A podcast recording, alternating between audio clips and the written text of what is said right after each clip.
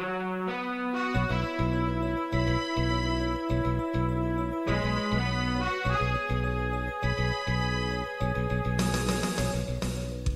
listening to Radio Free Asia.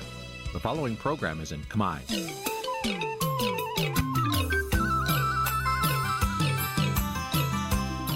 នេះជាកម្មវិធីផ្សាយ Vuthu Azizi Serai នេះជាកម្មវិធីផ្សាយរបស់ Vuthu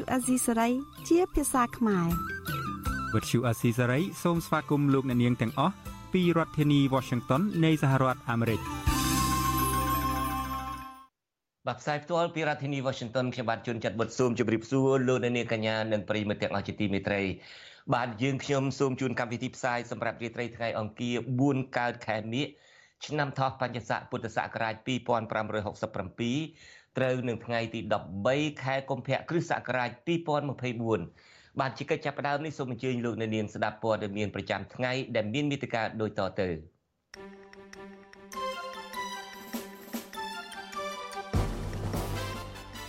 បាទអាជ្ញាធរកម្ពុជាកំពុងស្វែងរកអ្នកជាប់ពាក់ព័ន្ធករណីដឹកអាវុធខុសច្បាប់ទៅលក់នៅប្រទេសថៃប្រដេជគុណសំគឹមសាទសឹងនៅស្រុកមោងឫស្សីមួយយប់ជាទីកន្លែងដែលអាជ្ញាធរធ្លាប់ចាប់ផ្សឹកព្រះអង្គ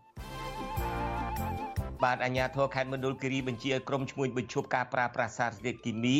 និងសារធាតុបំផ្ទុះដើម្បីយករ៉ែមាសនីតិវេទិកាអ្នកស្ដាប់របស់ VTV អាស៊ីត្រីនីរិត្រីនេះយើងនឹងជជែកគ្នាថាតើអភ័យឯកសិទ្ធិលោកហ៊ុនសែនជាប្រធានព្រឹទ្ធសភាអាចជួយឲ្យលោករួចផុតពីដៃតុលាការអន្តរជាតិដែរឬទេរួមនឹងព័ត៌មានសំខាន់សំខាន់មួយចំនួនទៀត បាទជាបន្តទៅទៀតនេះខ្ញុំបាទជួនចាត់បុតស៊ូមជូនព័ត៌មានទាំងនេះពឺស្ដាបាទលោកនាងកញ្ញាជាទីមេត្រីសង្គមស៊ីវិលជំរុញរដ្ឋាភិបាលចាត់វិធានការទប់ស្កាត់អំពើពុករលួយនៅតាមព្រំដែននិងវែកមុខអ្នកពាក់ព័ន្ធដែលខុបខិតក្នុងការដឹកអាវុធឆ្លងដែនខុសច្បាប់ចូលទៅលក់នៅក្នុងប្រទេសថៃយកទៅផ្ដន់ទោសការលើកឡើងនេះគឺក្រោយពេលដែលអាជ្ញាធរថៃបានស្ទាក់ចាប់ពលរដ្ឋខ្មែរម្នាក់ដែលដឹកជញ្ជូនអាវុធឆ្លងដែនខុសច្បាប់ចូលទឹកដីថៃកាលពីពេលថ្មីថ្មីនេះ បាទលោកអ្នកនាងនៅបានស្ដាប់សេចក្តីរាយការណ៍ពុស្ដាអំពីរឿងនេះនាពេលបន្តិចទៀតនេះ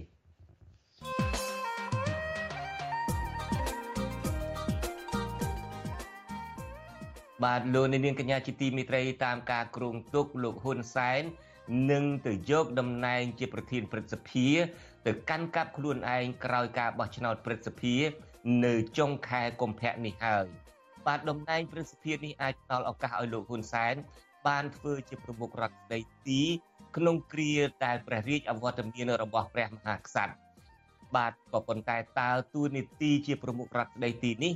អាចធ្វើជាបន្ទនារ៉ាប់រង ជួយឲ្យលោកហ៊ុនសែនមានអភ័យឯកសិទ្ធិជៀសផុតពីការប៉ុនប៉ងតាមចាប់ខ្លួនពីបទអក្រិតនានាពីសំណាក់តុលាការឯករាជ្យនៅក្រៅប្រទេសបានដែរឬទេ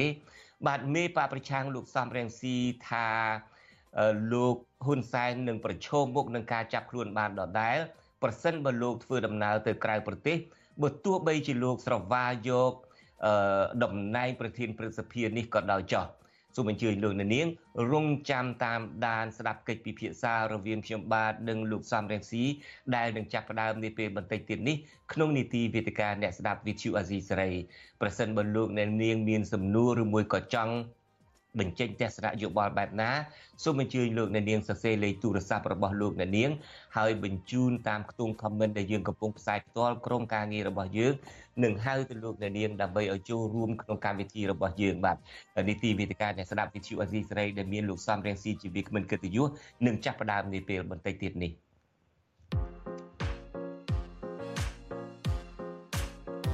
ខ្ញុំខ្លួនឯងនឹងក៏ធ្លាប់សម្ភាសលោកអុកទូច ដែលយកស្បែកជើងគប់លោកហ៊ុនសែនតែម្ដងមិនមែនត្រឹមតែគប់រូបទេសួរថាហេតុអីបានជាគាត់សម្រេចចិត្តថានៅកណ្ដាលទីសាធារណៈនៅកណ្ដាលការឃ្លាំមើលពីកងសន្តិសុខ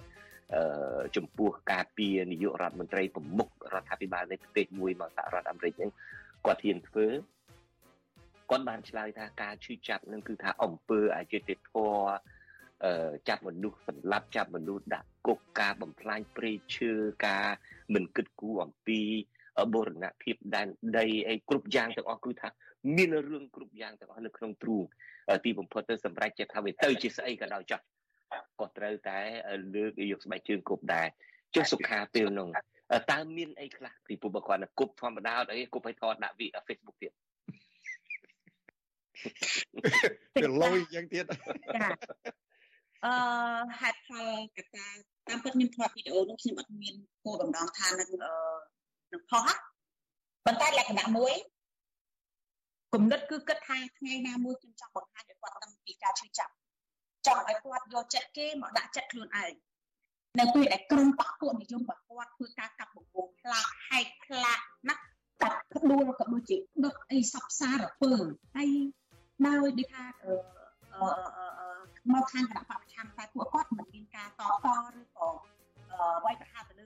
ដីអ្វីទៅកាន់គណៈបព្វប្រជាជនវិញគឺអត់ទេប៉ុន្តែដូចថាមើលមកគណៈបព្វប្រឆាំងត្រជាក់មិនមានការតតកាន់តែកើនកាន់តែធ្វើ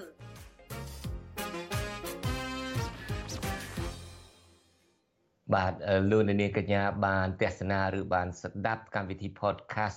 ដែលខ្ញុំបាទពីអ្នកលោកសំពូលីរួមជាមួយនឹងវាគ្មិនកិត្តិយសរបស់យើងគឺអ្នកស្រីសំសុខាហើយឬនៅបាទយើងបានចាក់ផ្សាយកាលពីថ្ងៃច័ន្ទម្សិលមិញនេះហើយយើងក៏បង្ហោះនៅក្នុងកម្មវិធី Google Podcast ឬមួយក៏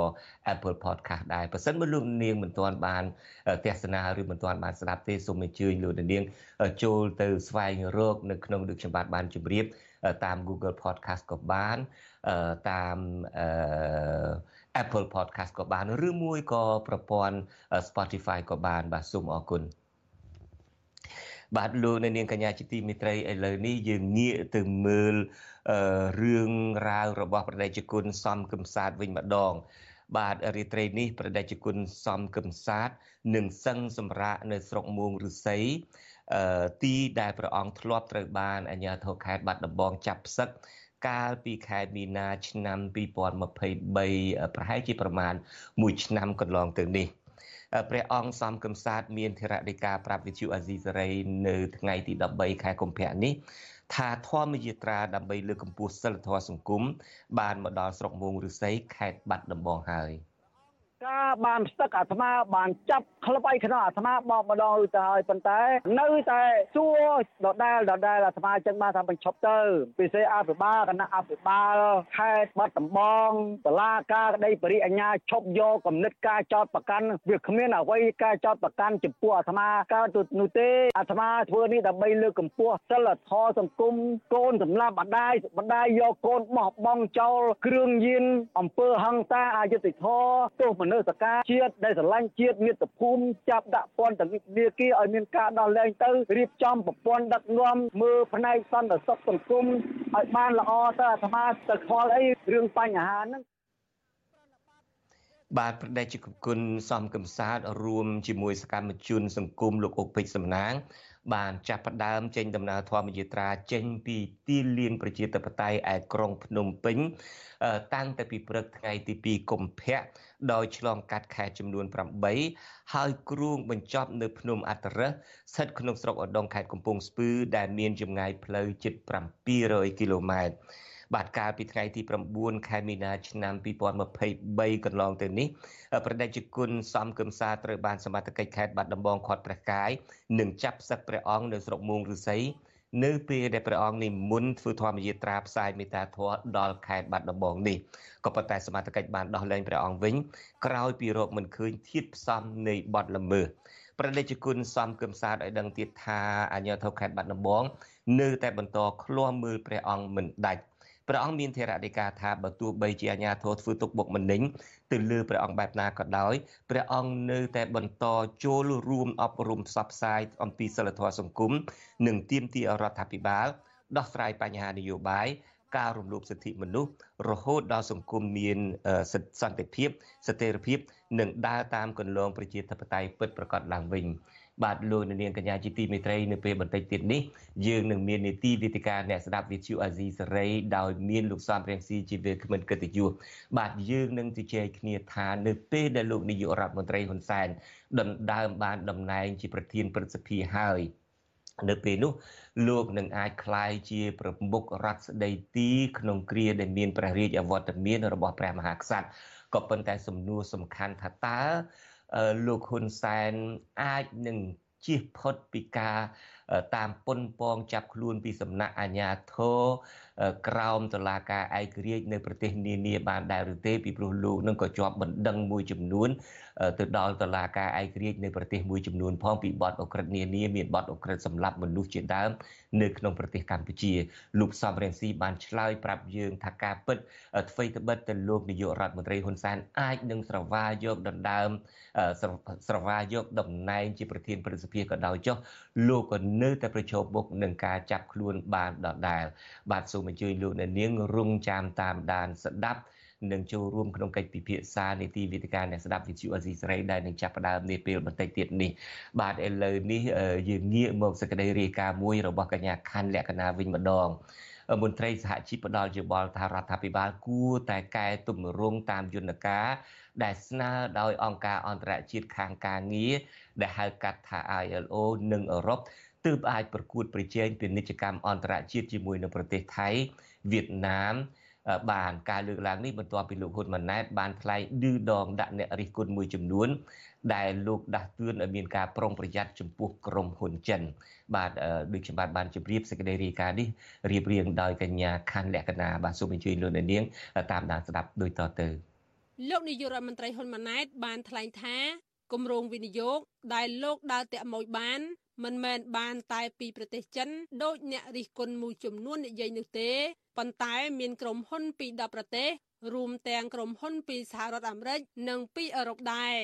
ក្នុងពិធីបិទសន្និបាតក្រសួងកាងារកាលពីថ្ងៃទី8កុម្ភៈលោកហ៊ុនម៉ាណែតបានថ្លែងចំអកដាក់អ្នករិះគន់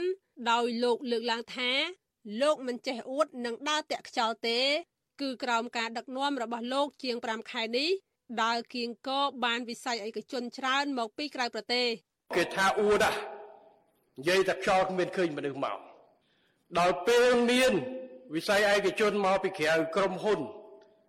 មកពីអឺរ៉ុបពីអាមេរិកពីអីជាបណ្ដាក្រុមហ៊ុនជាក្រុមជាអីមកកម្ពុជាក្នុងរយៈពេលប្រហែលខែនេះជួបពកអីផងសិក្សាបន្ថែមគេថាមកពីក្រុមហ៊ុនចិនលោកហ៊ុនម៉ាណែតបន្តឌឺដងដល់អ្នករិះគន់លោក ដោយលើកឡើងនៅរបាយការណ៍របស់ក្រមប្រឹក្សាអភិវឌ្ឍកម្ពុជា CDC ថាមានគម្រោងវិនិយោគបង្កើតថ្មីចំនួន172គម្រោងគិតជាទុនវិនិយោគជិត4000លានដុល្លារដែលនឹងបង្កើតការងារជូនប្រជាពលរដ្ឋខ្មែរជាង190,000កន្លែងនៅពេលខាងមុខចាប់ផ្ដើមពីខែ8មកដល់ខែ1នេះមិនខ្យល់ទេ172គម្រោងទាំងគម្រោងវិនិយោគក្នុងស្រុកទាំងគម្រោងមកពីក្រៅមកពី10ប្រទេសដែលមកនៅទីនេះ សំបីតែនៅក្នុងខែមករានេះយើងមាន32គម្រោងគិតជាទុនវិនិយោគជិត200លានដុល្លារដឹងអ្នកថាគេថាម៉េចទេ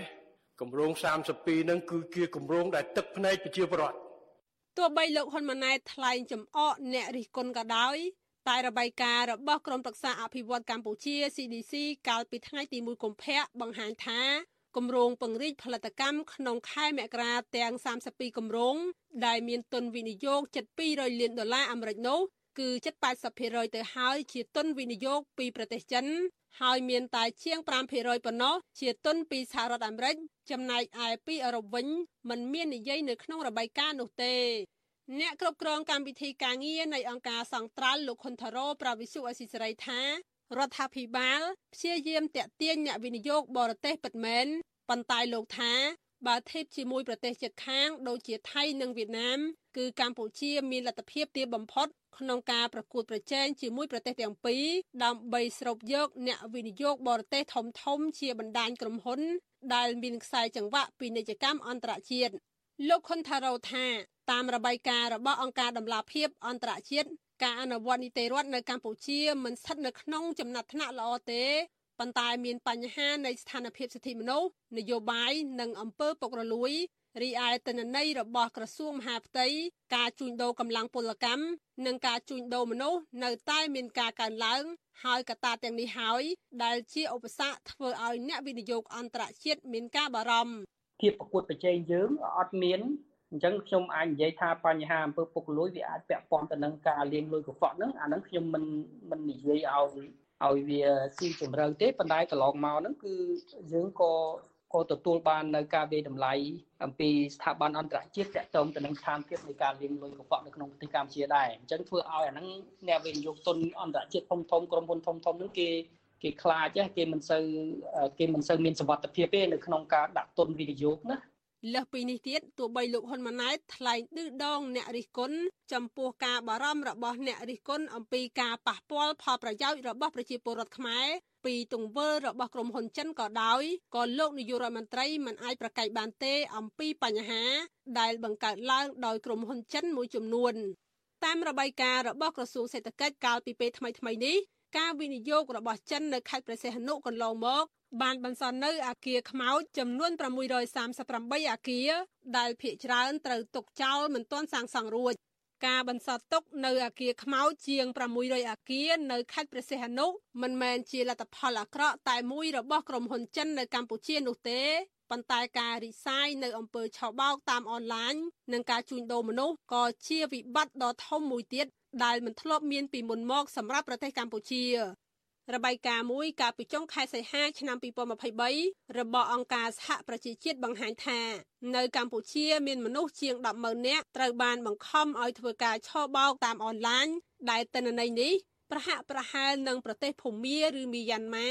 ដែលមានចំនួនប្រមាណជា120,000នាក់ឧក្រិដ្ឋកម្មលាងលុយការជួញដូរមនុស្សការឆបោកតាមអនឡាញនិងការជំរិតយកប្រាក់ជាដើម កើតទៅជាវិបត្តិកាន់តែធំដោះស្រាយមិនរួចដោយសារតែពួកអ ுக ្រិតជនត្រូវគេរកឃើញថាមានខ្នងបង្អែកជាមួយអ្នកធំឬអ្នកមានអំណាចជាក់ស្ដែងសេដ្ឋីវ័យក្មេងជនជាតិចិនលោកជេនស៊ីដែលជាម្ចាស់សម្ព័ន្ធក្រុមហ៊ុន Prin Group និងជាទីប្រឹក្សាលោកនាយករដ្ឋមន្ត្រីហ៊ុនម៉ាណែតត្រូវបានតុលាការអ ுக ្រិតកម្មនៃប្រទេសចិនចេញសារក្រមកាលពីឆ្នាំ2020ដល់ឆ្នាំ2022ពិពណ៌នាអំពីសម្ព័ន្ធក្រុមហ៊ុននេះ ថាជាអ ுக ្រិតកម្មបនលបែងអនឡាញឆ្លងដែនដ៏អាក្រក់មួយដែលរកចំណូលបានយ៉ាងហោចណាស់5000លានយួនឬ700លានដុល្លារជាចំណូលមិនស្របច្បាប់មហាសេដ្ឋីចិនវ័យក្មេងលោកចេនស៊ី ដែលល្បីខាងលៀងលុយកខ្វក់នេះបានចូលសញ្ជាតិខ្មែរកាលពីខែកុម្ភៈឆ្នាំ2024តាមរយៈអំណាចទឹកលុយរបស់លោកជាឲ្យរដ្ឋាភិបាលលោកហ៊ុនសែនហើយធ្លាប់ធ្វើជាទីប្រឹក្សារបស់អតីតនាយករដ្ឋមន្ត្រីលោកហ៊ុនសែនមុនពេលក្លាយជាទីប្រឹក្សារបស់លោកនាយករដ្ឋមន្ត្រីហ៊ុនម៉ាណែតជាកូន ដែលទៅបឡើងជំនួសអ្នកគ្រប់គ្រងកម្មវិធីការងារនៃអង្គការសង្ត្រាល់លោកខុនថារ៉ូលើកឡើងថា ការតាមដានត្រួតពិនិត្យជាសកលរបស់យន្តការអង្គការសហប្រជាជាតិរកឃើញថាកម្ពុជាមិនមានការផ្លាស់ប្ដូរវិជ្ជមានទេ គឺស្ថានភាពរំលោភសិទ្ធិការងារកាន់តែកើនឡើងជាប្រព័ន្ធហើយអង្គការអន្តរជាតិខាងការងារឬសហភាពអឺរ៉ុបនៅតែទាមទារឲ្យកែតម្រង់ឲ្យប្រសើរ ILO និយាយទៅកាន់រដ្ឋាភិបាលគឺច្បាស់គឺឲ្យទម្លាក់ចោលនៅការចាប់ប្រកាន់ ទាំងឡាយទាំងពួងរបស់មេដឹកនាំសហជីពទី2គឺធ្វើវិសោធនកម្មច្បាប់ស្ដីពីសហជីពហ្នឹងណាហ្នឹងគឺចំណុចទី2ដែល ILO គេលើកឡើងហ្នឹងហើយចំណុចទី3ហ្នឹងគឺធ្វើឲ្យប្រសើរឡើងនៅ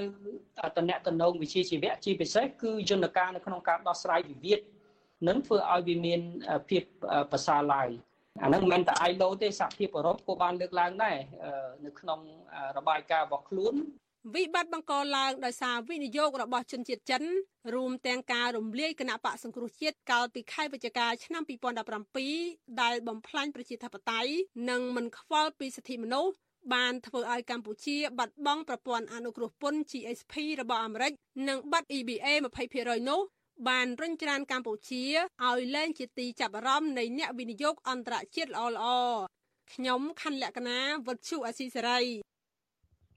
បាទលោកនាងកញ្ញាពេលនេះកំពុងតែស្ដាប់ Vithu Azizi សេរីផ្សាយចេញពីរដ្ឋធានី Washington នៃសហរដ្ឋអាមេរិកបាទសង្គមស៊ីវិលជំរុញរដ្ឋាភិបាលឲ្យចាត់វិធានការទប់ស្កាត់អំពើពុករលួយ នៅតាមព្រំដែននិងវែកមុខអ្នកពាក់ព័ន្ធខុបខិតក្នុងការដឹកអាវុធឆ្លងដែនខុសច្បាប់ចូលទៅក្នុងទឹកដៃថៃយកទៅផ្ដន់ទោសបាទការលើកឡើងនេះគឺក្រោយពេលដែលអាជ្ញាធរនៅប្រទេសថៃ បានស្ទាក់ចាប់ពលរដ្ឋខ្មែរម្នាក់ ដែលដឹកជញ្ជូនអាវុធឆ្លងដែនខុសច្បាប់ចូលប្រទេសថៃកាលពីពេលថ្មីថ្មីនេះ បាទយើងប្រគល់នីតិនេះទូជូនលោកច័ន្ទថារោរាយការណ៍ជូនលោកដានៀងបាទសូមអញ្ជើញលោកដានៀងតាមដានស្ដាប់ដូចតទៅ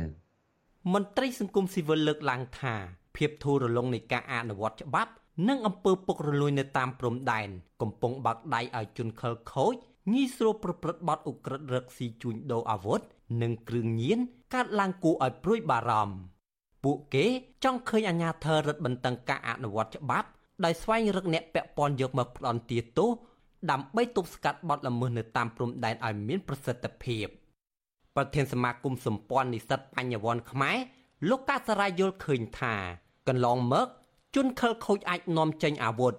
ឬគ្រឿងញៀនឆ្លងដែនបានរួចផុតពីភ្នែករបស់អាជ្ញាធរខ្មែរ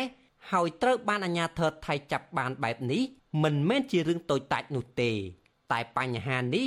បង្ហាញថាអាជ្ញាធរកម្ពុជាអនុវត្តច្បាប់នៅធូររលុងនិងពាក់ព័ន្ធអំពើពុករលួយជាប្រព័ន្ធលោកថានៅពេលដែលអាជ្ញាធរអសមត្ថភាពទប់ស្កាត់បទល្មើសទាំងនោះហើយនឹងធ្វើឲ្យប៉ះពាល់ដល់មុខមាត់រដ្ឋាភិបាល ជាពិសេសសន្តិសុខជាតិនិងតំបន់ទាំងមូលរឿង ដែលអាម៉ាស់ជាងគេគឺវាបង្ហាញថាកម្ពុជាគឺមានចិត្តកំបាក់ខ្សោយខ្សោយមានន័យថាថៃគេអាចចាប់បានតែកម្ពុជាចាប់បានដូច្នេះវាបានបង្ហាញពីទម្រង់នៃអំពើពុករលួយជាប្រព័ន្ធដែលកន្លងមកដែលយើងតែតែនិយាយតែតែរិះគន់ដើម្បីស្ថាបនាហ្នឹងវានៅតែគ្មានកំណែទម្រង់ទេមានន័យថាវាវាគ្មានលទ្ធភាពនិងសមត្ថភាពនិងភាពស័ក្តិសិទ្ធិដោយអ្វីដែលនិយាយនៅក្នុងយុទ្ធសាស្ត្ររបស់រដ្ឋាភិបាលទេដូច្នេះនេះហើយវាជារឿងមួយដែលរដ្ឋាភិបាលខ្លួនឯងស្គាល់នឹងវាត្រូវតែគិតពិចារណាហើយរៀបចំវាឡើងវិញធ្វើកំណែទម្រង់ដើម្បីស្ដារបាននៅគេឈ្មោះកិត្តិយស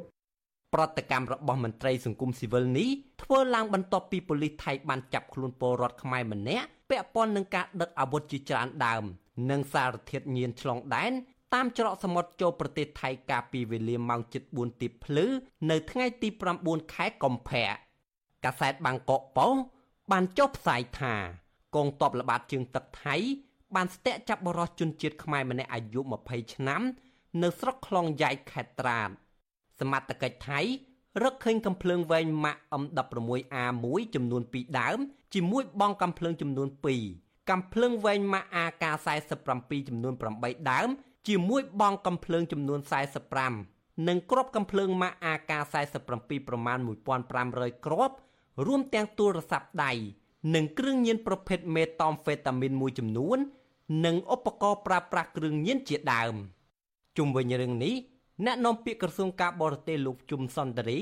ប្រាប់វិទ្យុអាស៊ីសេរីតាមប្រព័ន្ធ Telegram ថាបច្ចុប្បន្នអាជ្ញាធរថៃកំពុងឃុំខ្លួនជនជាប់ចោតដើម្បីធ្វើការស៊ើបអង្កេត និងកសាងសំណុំរឿងបញ្ជូនទៅតុលាការ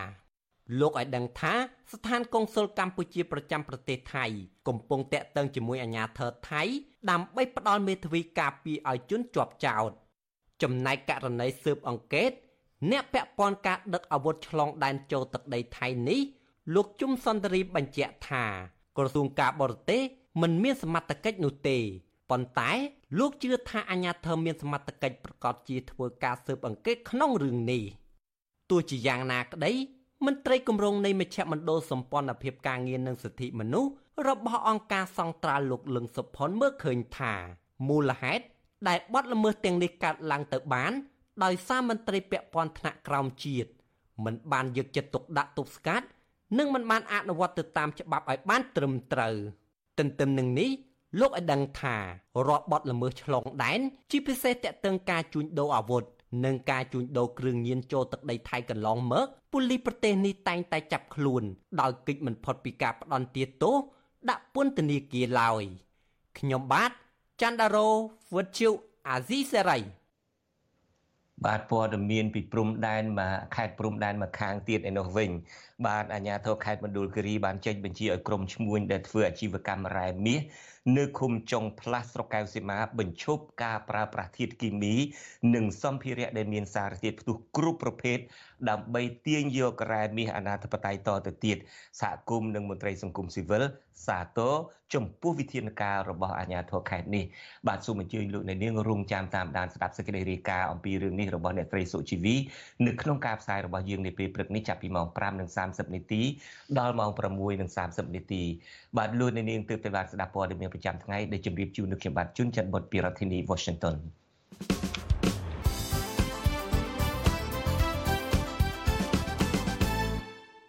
បាទលោកនាងកញ្ញាជាទីមេត្រីជាបន្តទៅទៀតនេះគឺជានីតិវិទ្យាអ្នកស្ដាប់ VTV Asia Series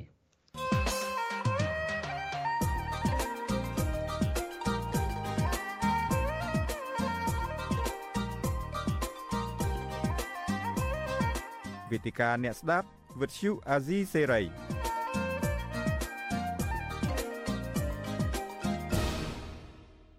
បាទលោកនាងកញ្ញាជាទីមេត្រីខ្ញុំបាទជួនចាត់បុតស៊ូមជម្រាបសួរនិងសូមស្វាគមន៍លោកនាងកញ្ញាក្នុងនីតិវិទ្យាអ្នកស្ដាប់វិទ្យុអាស៊ីសេរីបាទនារីត្រីនេះយើងមានវាគ្មិនកិត្តិយសមួយរូបភ្ជាប់ពីប្រទេសបារាំងគឺឯកឧត្តមសំរងស៊ីដែលជាប្រធានស្ដីទីនៃគណៈបកសង្គ្រោះជាតិបាទខ្ញុំបាទសូមជម្រាបសួរឯកឧត្តមសំរងស៊ីបាទជម្រាបសួរបាទ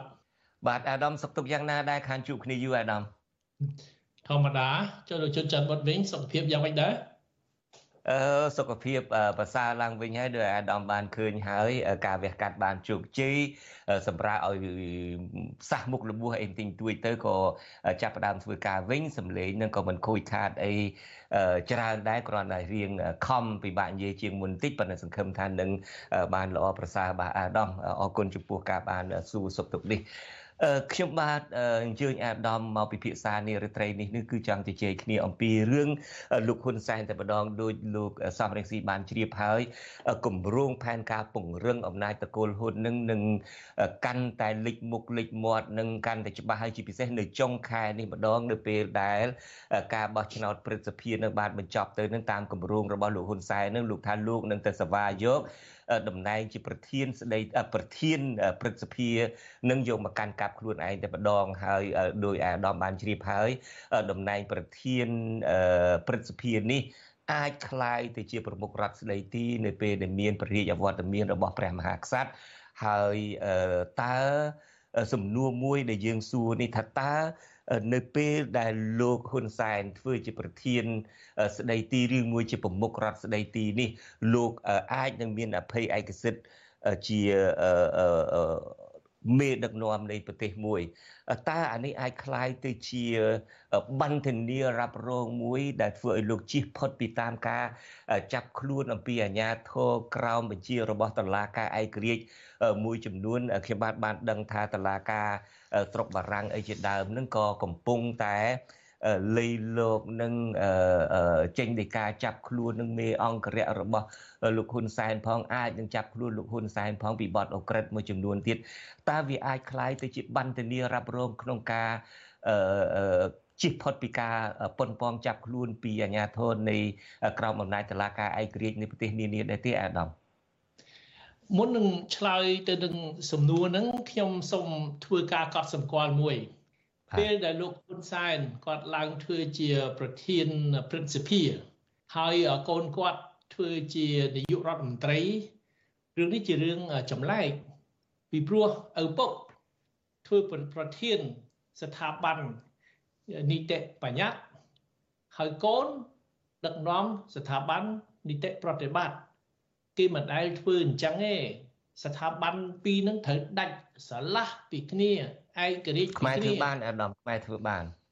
ធ្វើប្រទេសផ្ដាស់ចេះតែធ្វើទៅប៉ុន្តែជាគោលការណ៍ប្រជាធិបតេយ្យរឿងនេះចម្លែកគួរឲ្យអស់សំណើចបើយើងទៅប្រាប់គេ នៅប្រទេសនៃកម្មលទ្ធិប្រជាធិបតេយ្យពិតប្រាកដ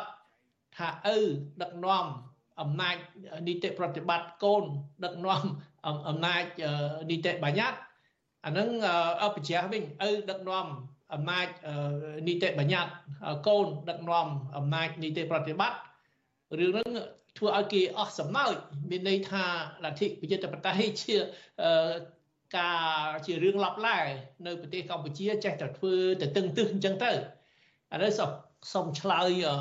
សំណួរលោកជុនច័ន្ទមុនមុននឹងអាដាមឆ្លើយសំណួរដែលហេតុថាអាដាមបានលើកឡើងទៅហើយថាវាមិនដែលមានឯណាក្នុងប្រទេសមួយឪកាន់អំណាចនីតិបញ្ញត្តិហើយកូននឹងកាន់អំណាចនីតិប្រតិបត្តិក្រៅទីពីនឹងណាលោកអាដាមសំរងស៊ីនៅពេលដែលលោកហ៊ុនសែនឡើងធ្វើជាប្រធានព្រឹទ្ធសភាស្ថាប័នព្រឹទ្ធសភានឹងលោកនឹងคลายទៅជាប្រធានក្រមប្រឹក្សារាជបល្ល័ង្កឬក្រមប្រឹក្សារាជសម្បត្តិដែលជ្រើសតាំងព្រះមហាក្សត្រទៀតឯនោះ អាដាមមែនតើហ៊ុនសែនគាត់ធំជាងស្ដេចទៀតគាត់ធ្វើអីហ្នឹងគាត់រំលងស្ដេចឬមួយយើងថាគាត់យកព្រះមហាក្សត្រធ្វើជាខែលធ្វើជាឈ្នន់ក៏បានដែរអញ្ចឹងព្រះមហាក្សត្រអត់មានតួនាទីអត់មានសារៈសំខាន់អីទេគ្រាន់តែគេយកមកលេងសើចមកបិទបាំងអំណាចផ្ដាច់ការរបស់តកូលហ៊ុនសែនហើយព្រះមហាក្សត្រហ្នឹងគ្រាន់តែប្រថាប់ត្រា ឲ្យលោកហ៊ុនសែនតែប៉ុណ្ណោះខ្ញុំចាំខ្ញុំនៅប្រទេសបារាំងគ្រាន់តែរឿងដែលវាមិនស៊ីសង្វាក់គ្នាលោកវិលប៉ែតគាត់ធ្វើជានាយករដ្ឋមន្ត្រីពេលនោះអឺហើយនឹងឪពុកគាត់ធ្វើជាប្រធានគណៈកម្មាការកិច្ចការបរទេសនៅព្រឹទ្ធសភា គាត់តកូនគាត់ឡើងធ្វើនាយករដ្ឋមន្ត្រីភ្លាមលោកឪពុកវីលប៉ានគាត់លាលែងគាត់សុំលាលែងពីតំណែងប្រធានគណៈកម្មការកិច្ចការបរទេសនៅព្រឹទ្ធសភាគាត់ថាมันអាចធ្វើកើតទេពីព្រោះបើកូនគាត់ដឹកនាំអំណាចនីតិប្រតិបត្តិ គាត់គាត់ប្រធានគណៈកម្មការមួយមិនជាដឹកនាំទេប៉ុន្តែក្នុងជួរថ្នាក់ដឹកនាំអំណាចនីតិបញ្ញត្តិគឺគាត់មិនអាចធ្វើបានដែរអញ្ចឹងបានគាត់លាលែងតែនេះហ៊ុនសែនបញ្ជាវិញគាត់តែងតាំងលើកបន្ទប់ឲ្យកូនគាត់ឡើងតាមជើងខោធ្វើនាយករដ្ឋមន្ត្រីរួចទៅគាត់ទៅឡើងខ្លួនគាត់ធ្វើជាប្រធានព្រឹទ្ធសភាគាត់ចង់ធ្វើអ្វីចេះតែធ្វើទៅ ឃើញថាវាវាមិនវាមិនតំណងដូចថាមិនយល់ពីគោលការណ៍ប្រជាធិបតេយ្យពីវិសមត្ថភាពថាมันអាចធ្វើបែបនឹងបានទេប៉ុន្តែគាត់ចេះតែធ្វើទៅអញ្ចឹងបានយើងវិលត្រឡប់មករឿងយើងវិញខ្ញុំសូមនិយាយពីគោលការណ៍គោលការណ៍ច្បាប់អន្តរជាតិគោលការណ៍តំណាក់តំណងផ្លូវទូតរវាងប្រទេសមួយទៅប្រទេសមួយទៀត គោលការណ៍តឡាការគោលការណ៍ច្បាប់អន្តរជាតិគឺអ្នកដែលកាន់តំណែងជាប្រមុខរដ្ឋប្រមុខរដ្ឋហ្នឹងគឺមានប្រធានាធិបតីឬព្រះមហាក្សត្រនឹងបានតំណែងជាប្រមុខរដ្ឋអ្នកនោះគឺមានអភ័យឯកសិទ្ធិមិនអាចតឡាការអន្តរជាតិតឡាការនៅប្រទេសណាមួយផ្សេង ចេញដីកាចាប់ទេมันអាចចាប់ប្រមុខរដ្ឋឬมันអាចចាប់ប្រជានាយកបតីឬព្រះមហាក្សត្របានទេហើយអ្នកដែលមានអភ័យឯកសិទ្ធតឡាការមួយទៀតគឺនាយករដ្ឋមន្ត្រី គឺប្រមុខរដ្ឋាភិបាលបើមានតំណែងប្រមុខរដ្ឋាភិបាលគឺនាយករដ្ឋមន្ត្រីក៏មានអភ័យឯកសិទ្ធมันអាចចាប់បានទេក៏ទៅចាំរងចាំតទៅបុគ្គលដែលតឡាការតាមចាប់ហ្នឹង បុគ្គលហ្នឹងចប់ពីតំណែងរបស់ខ្លួន ជាប្រមុខរដ្ឋក្តី ជាប្រមុខរដ្ឋាភិបាលក្តីឥឡូវវិលត្រឡប់មកលោកហ៊ុនសែនករណីរបស់លោកហ៊ុនសែនលោកហ៊ុនសែនគាត់បានធ្វើជានាយករដ្ឋមន្ត្រី រហូតដល់ខែសីហាឆ្នាំ2023នេះប្រហែល6ខែមុនណាពេលនោះ តឡាការបារាំងកោះហៅគាត់កោះហៅគាត់ខ្ញុំឃើញដីកាកោះហៅហ៊ុនសែនប៉ុន្តែរដ្ឋាភិបាលបារាំងប្រាប់ថាมันអាចកោះហៅហ៊ុនសែនបានទេរដ្ឋាភិបាលបារាំងណែនាំតឡាការណែនាំពីច្បាប់អន្តរជាតិពីទម្លាប់អន្តរជាតិថាมันអាចកោះហៅក្នុងបំណងចាប់បើត្រូវចាប់ មិនអាចកោះហៅបានទេពីព្រោះហ៊ុនសែនគាត់មានតំណែងជានាយករដ្ឋមន្ត្រីឬប្រមុខរដ្ឋាភិបាលដូចខ្ញុំនិយាយអមាញ់មិញតែឥឡូវគាត់អស់តំណែងពីនាយករដ្ឋមន្ត្រីគាត់ឲ្យកូនគាត់ជំនួសវិញអញ្ចឹងចាប់បានពេលណាគាត់អស់តំណែងជានាយករដ្ឋមន្ត្រីចាប់បានតែគាត់លោតទៅរកតំណែងមួយទៀតតំណែងជាប្រធានរដ្ឋសភាតំណែងជាប្រធានរដ្ឋសភាហ្នឹង បើត្រឹមតែប្រធានរដ្ឋសភាចាប់បានព្រោះមិនមែនជាប្រមុខរដ្ឋទេទាល់តែហ៊ុនសែនឡើងធ្វើជាប្រមុខរដ្ឋស្ដីទីជំនួសព្រះមហាក្សត្រនឹងហ៊ុនសែនមានទួនាទីជាប្រមុខរដ្ឋទោះជាស្ដីទីក៏ដោយក៏មិនអាចចាប់បានដែរប៉ុន្តែហ៊ុនសែនមានតំណែងអាចមានតំណែងជាប្រមុខរដ្ឋស្ដីទីលុះត្រាតែព្រះមហាក្សត្រយាងចេញទៅក្រៅប្រទេស ព្រះមហាក្សត្រយាងទៅចេញទៅក្រៅប្រទេសពេលហ្នឹងហ៊ុនសែនធ្វើជាធ្វើជាប្រមុខរដ្ឋស្ដីទីជំនួសព្រះមហាក្សត្រកាលបើព្រះមហាក្សត្រយាងចេញទៅក្រៅប្រទេសអឺ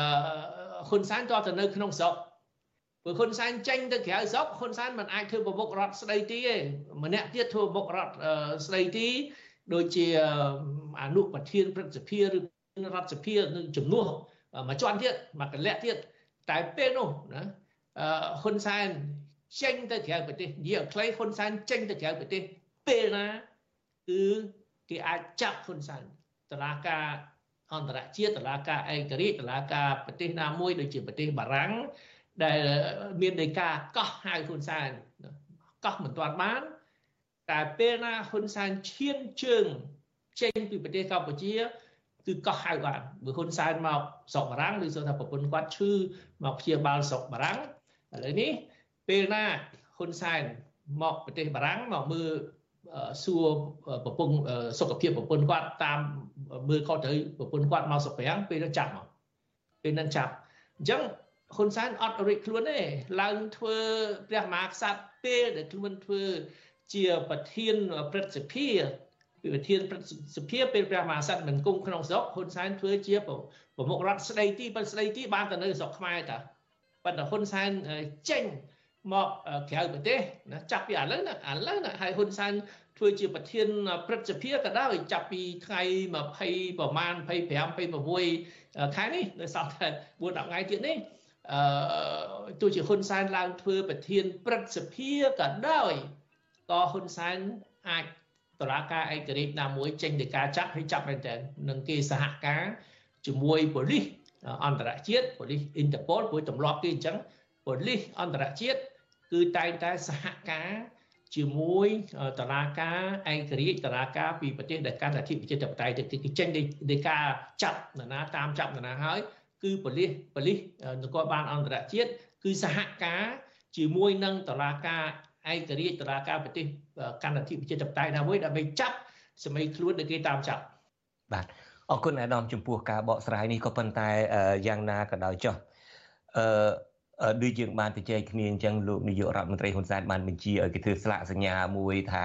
ខ្មែរធ្វើបាននោះពីព្រោះអ្វីក៏លោកធ្វើបានដែរអឺលោក អាចនឹងបើសិនជាតាមស្ដាប់ការបកស្រាយរបស់អាដាមទៅប្រមុខរដ្ឋស្ដីទីពេលដែលមានបរិយាអវត្តមានរបស់ព្រះមហាក្សត្រហ្នឹងគឺស្ដីទីបានតែនៅក្នុងប្រទេសទេក៏ប៉ុន្តែបញ្ចេញទៅក្រៅប្រទេសវាលែងស្ដីទីដូច្នេះវាលែងមានអភ័យឯកសិទ្ធិជាប្រមុខរដ្ឋាភិបាលហើយអឺខ្មែរធ្វើបានមានន័យថាបើសិនជាគាត់បានស្ដាប់កិច្ចពិភាក្សារបស់យើងថ្ងៃហ្នឹងស្អែកឡើងគាត់ចេញសារមួយទៀតថាគាត់នឹងធ្វើជាអនុអឺប្រធានាធិបតីពីប្រមុខរដ្ឋរងអីចឹងទៅ អានឹងក៏គាត់អាចធ្វើបានមួយទៀតដែរនៅពេលហ្នឹងពីមិនបាច់ចាំនៅតាណាក៏គាត់មានតំណែងជាប្រមុខរដ្ឋអនុប្រមុខរដ្ឋអញ្ចឹងទៅខ្ញុំមិនដឹងថាតើគេអាចប្រើពាក្យអីបានទេរឿងមួយទៀតបើសិនជាយើងចាំមិនភ្លេចទេ នៅពេលដែលលោកលាលែងចេញពីតំណែងនាយករដ្ឋមន្ត្រីហើយដាក់តំណែងនាយករដ្ឋមន្ត្រីនឹងជើងពៀនបកគលឲ្យកូនប្រុសច្បងរបស់លោកនឹងយើងឃើញមានពរាជសារមួយរបស់ព្រះមហាក្សត្រនៅថ្ងៃទី22ខែសីហាឆ្នាំ2023តែម្ដងហ្នឹងតែងតាំងលោកហ៊ុនសែននឹងឲ្យធ្វើជាប្រធានឧត្តមក្រុមប្រឹក្សាព្រះមហាក្សត្រ មានតំណែងប្រហាក់មានតំណែងស្មើនឹងនាយករដ្ឋមន្ត្រីតើអានឹងអាចជាបានធានារ៉ាប់រងសម្រាប់ឲ្យលោកមានអភ័យឯកសិទ្ធិដែរទេអត់ទេអាតំណែងស្មើនឹងស្មើចិត្តតែស្មើចឹងទៅប៉ុន្តែស្មើសម្រាប់ទៅនៅប្រទេសកម្ពុជាឯងស្រុកខ្មែរខ្ញុំឃើញការតែងតាំងខ្លះគេឲ្យសាក់5មានតំណែងស្មើជាមួយឧត្តមសេនីយ៍ ជួនកាលគ្រាន់តែរដ្ឋាភិកាធិការគេឲ្យតំណែងស្មើជាមួយរដ្ឋមន្ត្រីចេះតែឲ្យស្មើអញ្ចឹងទៅគេលើกระដាស់សេតែគេចាត់តាំងអញ្ចឹងទៅប៉ុន្តែអត់មានអត់មានតម្លៃទេអត់មានតម្លៃពីព្រោះប្រមុខរដ្ឋមានតែមួយនាយករដ្ឋមន្ត្រីមានតែមួយឲ្យអ្នកណាដែលមិនមែនជានាយករដ្ឋមន្ត្រីឲ្យស្មើនាយករដ្ឋមន្ត្រីស្រុកខ្មែរចេះចេះធ្វើបាន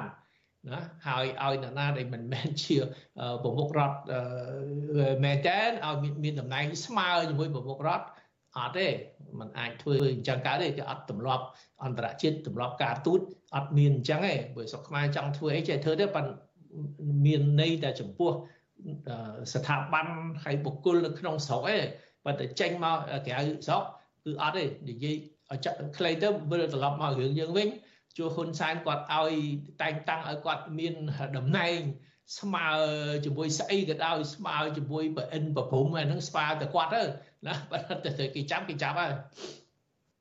បាទឥឡូវងាកពីរឿងចាប់នេះវិញមកដល់ពេលនេះ អាដាមបានប្រើពាក្យថាតាហ៊ានចេញទៅ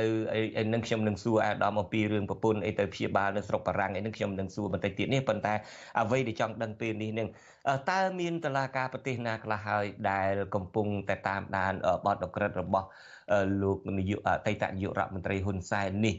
យើងដឹងថានៅតុលាការប្រទេសបារាំងពីបទតាក់ទងទៅនឹងការដែលនៅពីក្រោយការគប់ក្របបែកនៅវិមានរដ្ឋសភា អឺដែលធ្វើឲ្យមានមនុស្សស្លាប់មួយចំនួននឹងតើតើក្រៅតែពីនឹងមានបទអូក្រិតអីទៀតដែរដែលរដ្ឋាភិបាល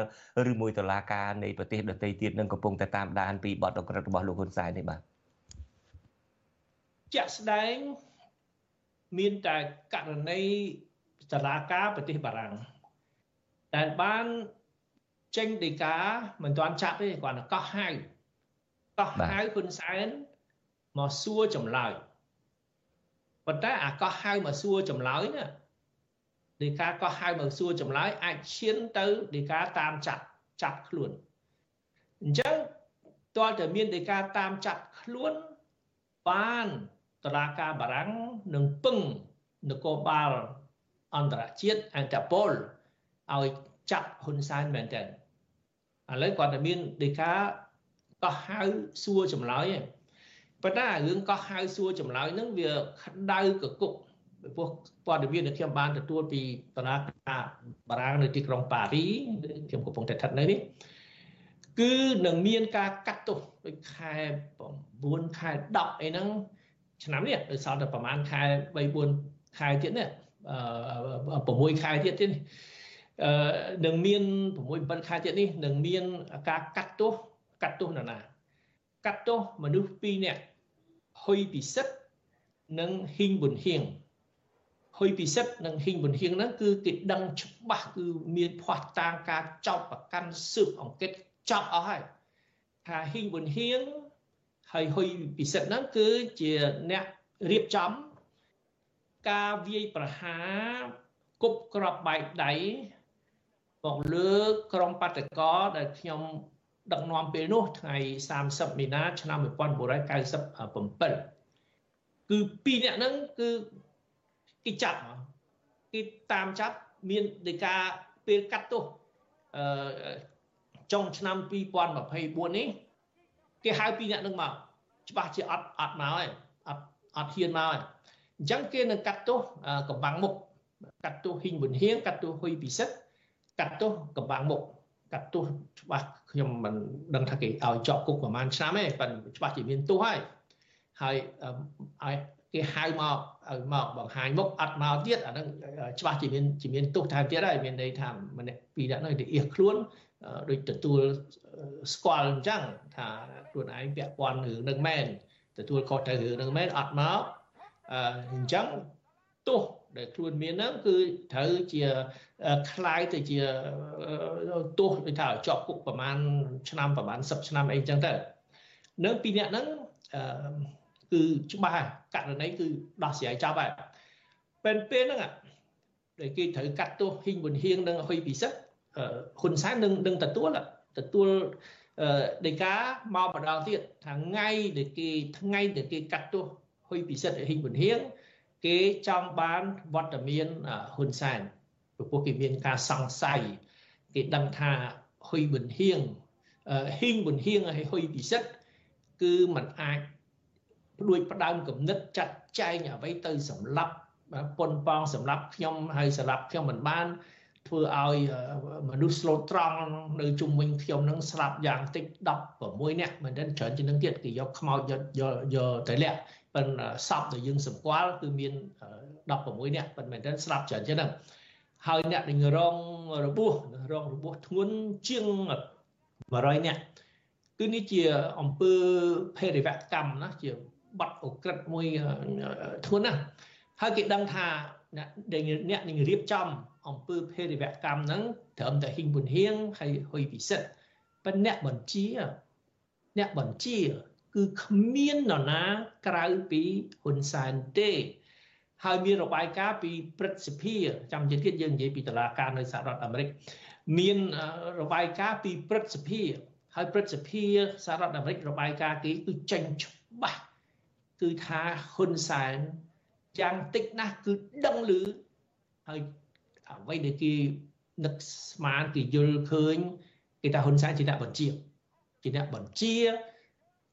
ហ៊ីងប៊ុនហៀងនិងហ៊ុយពិសិដ្ឋអញ្ចឹងហ៊ុនសែនត្រូវតែមកត្រូវតែមកដោះសារណា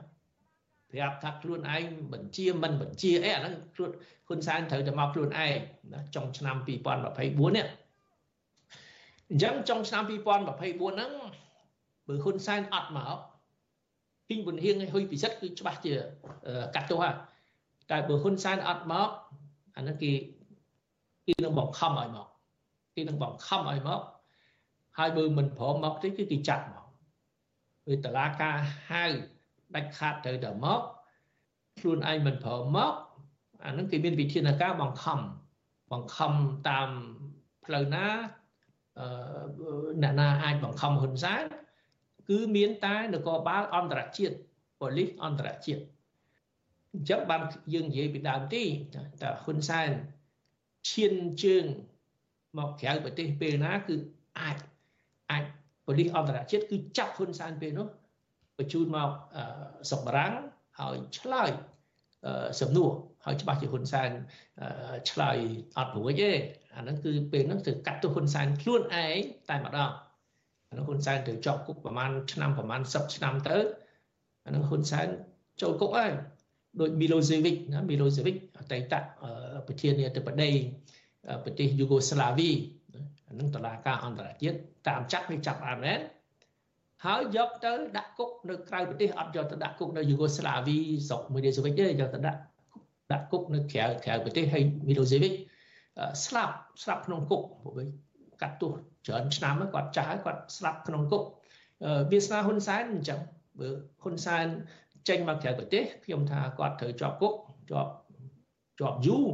ហើយគាត់អាចនឹងមានវាសនាទទួលវាសនាដូច Milosevic អតីតប្រធានាធិបតីប្រទេសយូហ្គោស្លាវីអញ្ចឹងដែរបាទបាទ អរគុណអាដាមខ្ញុំបាទឆ្លៀតឱកាសនេះក៏សូមអញ្ជើញលោកនាងកញ្ញាបើសិនជាលោកនាងមានទស្សនៈយោបល់ឬមួយក៏មានសំណួរអីមកតាំងសួរអាដាមសំរងស៊ីសូមអញ្ជើញសរសេរលេខទូរស័ព្ទរបស់លោកនាងហើយដាក់ក្នុង comment ក្រុមការងាររបស់យើងនឹងហៅទៅលោកនាងវិញឥឡូវនេះងាកមកអាដាមសំរងស៊ីវិញខ្ញុំបាទសូមបើកវងកញ្ចក់តែបន្តិចទេដែលហេតុថាខ្ញុំបាទឮអាដាមមានប្រសាសន៍ថា លោកហ៊ុនសែននិងភរិយារបស់លោកនឹងឮសូរតំណែងថាទៅព្យាបាលជំងឺនៅប្រទេសបារាំងអីនឹងផងតើតំណែងនេះពិតប៉ុណ្ណាដែរអាដាមហើយមានផុសតាំងអីខ្លះអូខ្ញុំមិនស្គាល់មិនតាមដានអីជាប់លាប់អីអ្នកដែលយើងចេញឈ្មោះប្រហែលទេប៉ុន្តែចេះតែលឺទៅនៅនៅស្រុកបារាំង មានអ្នកធំអ្នកធំពីស្រុកខ្មែរមកព្យាបាលដោយលោកសោខេងលោកសោខេងទៅមកប្រទេសបារាំងប្រហែលខែមុននោះពីព្រោះមានពេទ្យខ្មែរគាត់ចូលចិត្តគាត់ដឹងថាពេទ្យខ្មែរដើមកំណើតជាខ្មែរធ្វើការជាគ្រូពេទ្យវិជ្ជបណ្ឌិត នៅមន្ទីរពេទ្យទំនើបនៅប្រទេសបារាំងអញ្ចឹងពេទ្យគេអត់ ប្រកាន់ទេឲ្យមនុស្សជំងឺត្រូវវះកាត់អីនរណាជាជានរណាគេអត់គេអត់រឿងមុខទេណាគេត្រូវទៅជួយមនុស្សធម៌គឺអត់រឿងមុខទេអញ្ចឹងអ្នកធំអ្នកមានលុយច្រើនពីស្រុកខ្មែរមកគឺអាចចូលមន្ទីរពេទ្យទំនើបនៅស្រុកបារាំងដូចសខេងគាត់មិនមកប៉ារីមកគាត់ទៅទីក្រុងបារាំងមួយឈ្មោះក្លាក់ម៉ុងហ្វេរ៉ង់ ក្លាក់ម៉ុងហ្វេរ៉ង់ប៉ុន្តែប្រពន្ធហ៊ុនសែនប៊ុនរ៉ានីហ្នឹងគឺមកប៉ារីអញ្ចឹងវាមានដូចថាធ្លាប់ទម្លាប់មកមកមកប្រទេសបារាំងមិនចង់ទៅសហរដ្ឋអាមេរិកព្រោះពួកសហរដ្ឋអាមេរិកនឹងទៅឃើញនៅវត្តមាននៅលើទឹកដីសហរដ្ឋអាមេរិកវាជួនកាលវាមានបញ្ហាខ្លះប៉ុន្តែមកប្រទេសបារាំងមកស្ងាត់ស្ងាត់ ប្រទេសបារាំងគេជួយលះបាំងអីចឹងទៅកុំឲ្យអ្នកកសែតអីតាមដានកុំឲ្យខ្មែរធ្វើបាតកម្មជនជាតិខ្មែរធ្វើបាតកម្មហើយយើងក៏មិនត្រូវធ្វើបាតកម្មដែរពេលគេឈឺក្នុងពេទ្យខំទៅធ្វើបាតកម្មអីនៅមុខមន្ទីរពេទ្យទេអត់ទេខ្ញុំអត់មានគំនិតអញ្ចឹងទេខ្ញុំមានតែណែនាំថាកុំឲ្យសុំឲ្យនៅស្កាត់ស្ងៀមរឿងសុខភាពមនុស្សជីវិតមនុស្សអានឹងសុំស្កាត់ស្ងៀមធ្វើមិនដឹងមិនលឺទៅ តែខ្ញុំចង់និយាយរឿងមួយទៀតរឿងអស់សំណើចលោកជនជាតិបាត់ចង់ស្ដាប់រឿងអស់សំណើចទេចង់តែអាដាមពីពីរឿងហ៊ុនសែនគាត់គាត់ប្តឹងខ្ញុំពីរឿងបរិហាគេគាត់បាទខ្ញុំថាខ្ញុំចោទខ្ញុំចោទថាហ៊ុនសែនជាអ្នកសម្លាប់ហុកឡងឌី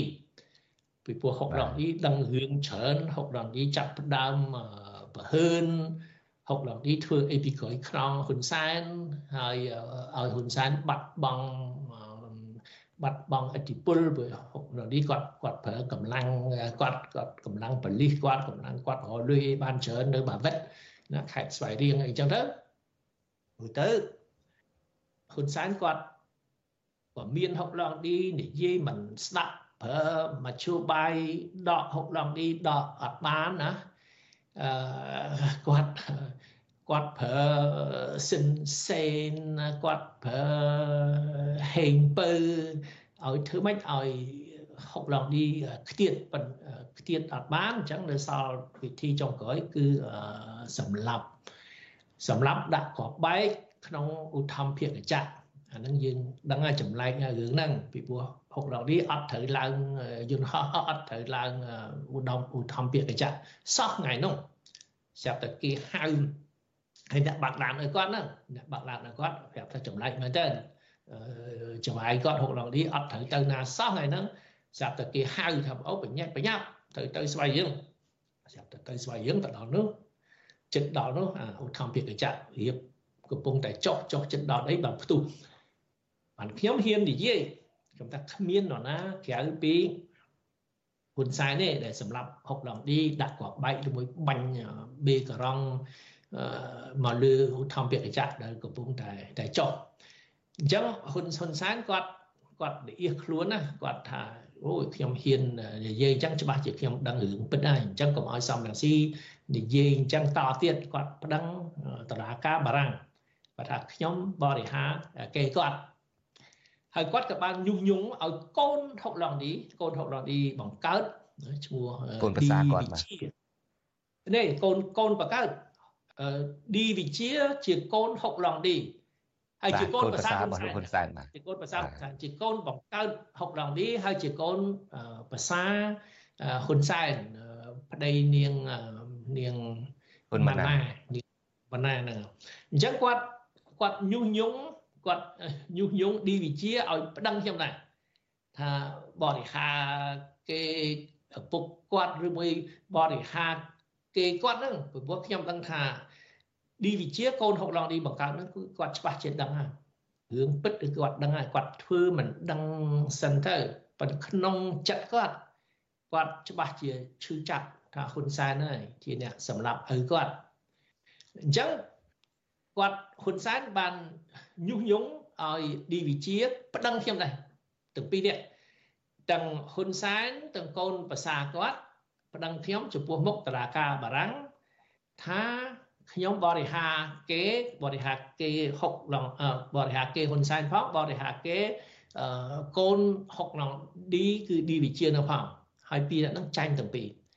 មកប្តឹងខ្ញុំចាញ់ទាំងពីរអ្នកហ៊ុនសែនក៏ចាញ់ គឺកាត់ក្តីដោយឡែកណាហ៊ុនសែនក៏ចាញ់ឌីវិជាកូនហុកឡងឌីក៏ចាញ់តែហ៊ុនសែនដែលគាត់ប្តឹងខ្ញុំទៅគាត់អត់ដឹងរឿងមួយពេលនោះគេកំពុងតែស៊ើបអង្កេតពីហ៊ុនសែនចង់សម្លាប់ខ្ញុំរឿងគប់ក៏បែកដែលយើងនិយាយមិញណាដែលមានហ៊ុយពិសិដ្ឋមានហ៊ីងប៊ុនហៀងពាក់ព័ន្ធដែលគេនឹងកាត់ក្តីនៅចុងឆ្នាំនេះ តឡាការបារាំងរៀបចេញដីកាហើយណារៀបចេញដីកាចាប់ចាប់ហ៊ីងប៊ុនហៀងហើយហ៊ុយហ៊ុយពិសិដ្ឋហើយហើយរឿងនេះវាធ្ងន់ណាអារឿងឃាតកម្មណារឿងសម្លាប់មនុស្សប៉ុនប៉ងសម្លាប់មនុស្សរឿងនេះវាធ្ងន់ជាងអារឿងបរិហាគេប៉ុន្តែហ៊ុនសែនក៏អត់ដឹងគាត់អត់ដឹងថាតឡាការបារាំងតាំងពី20ឆ្នាំហើយខ្ញុំប្តឹងរឿងនោះទ្រាំតែស៊ើបអង្កេតអូគេស៊ើបយូរ គេហៅសាកសីស្ងាត់ស្ងាត់ណាមកស៊ើបហើយដល់គេរៀបចេញដីកាទទួលស្គាល់ថា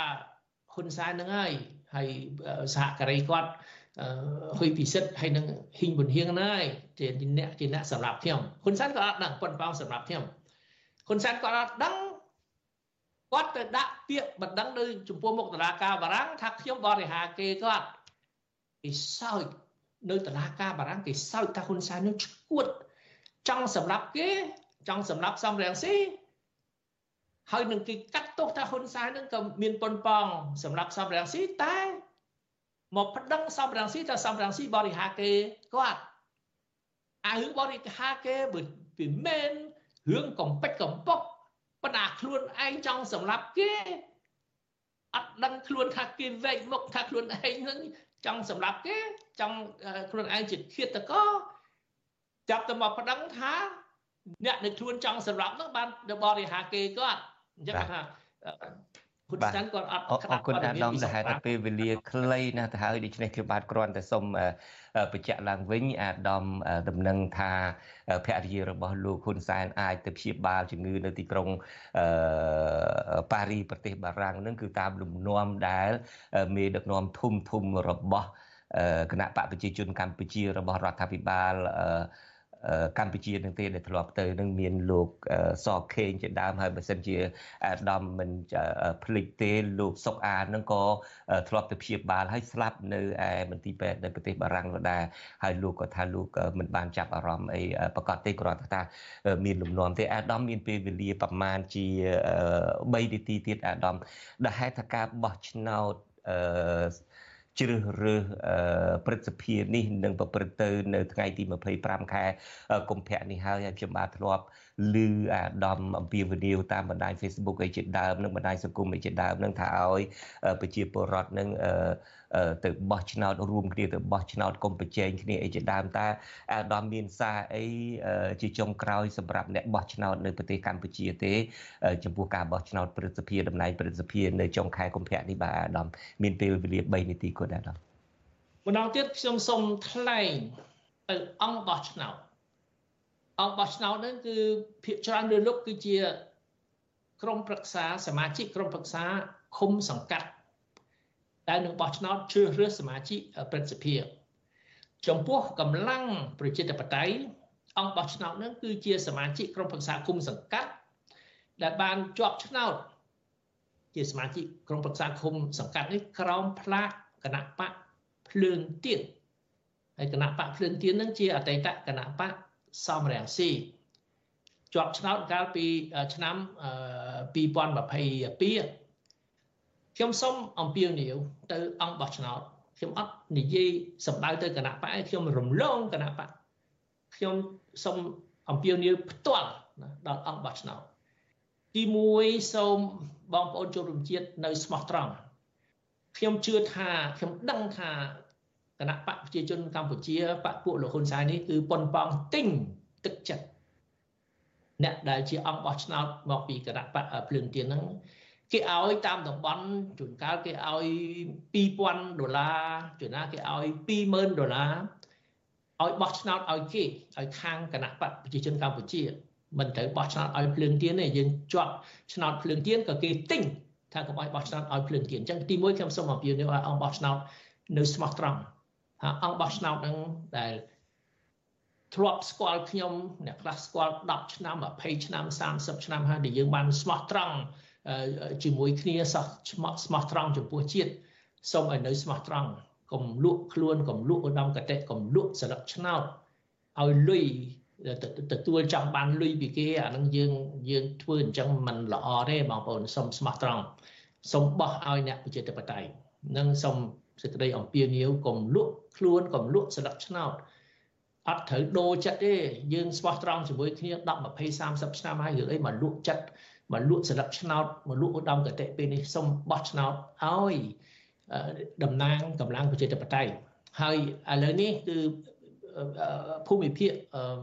ភូមិភូមិភាគ6គឺសូមបោះឆ្នោតឲ្យគណៈបកភ្លើងទៀនពីព្រោះ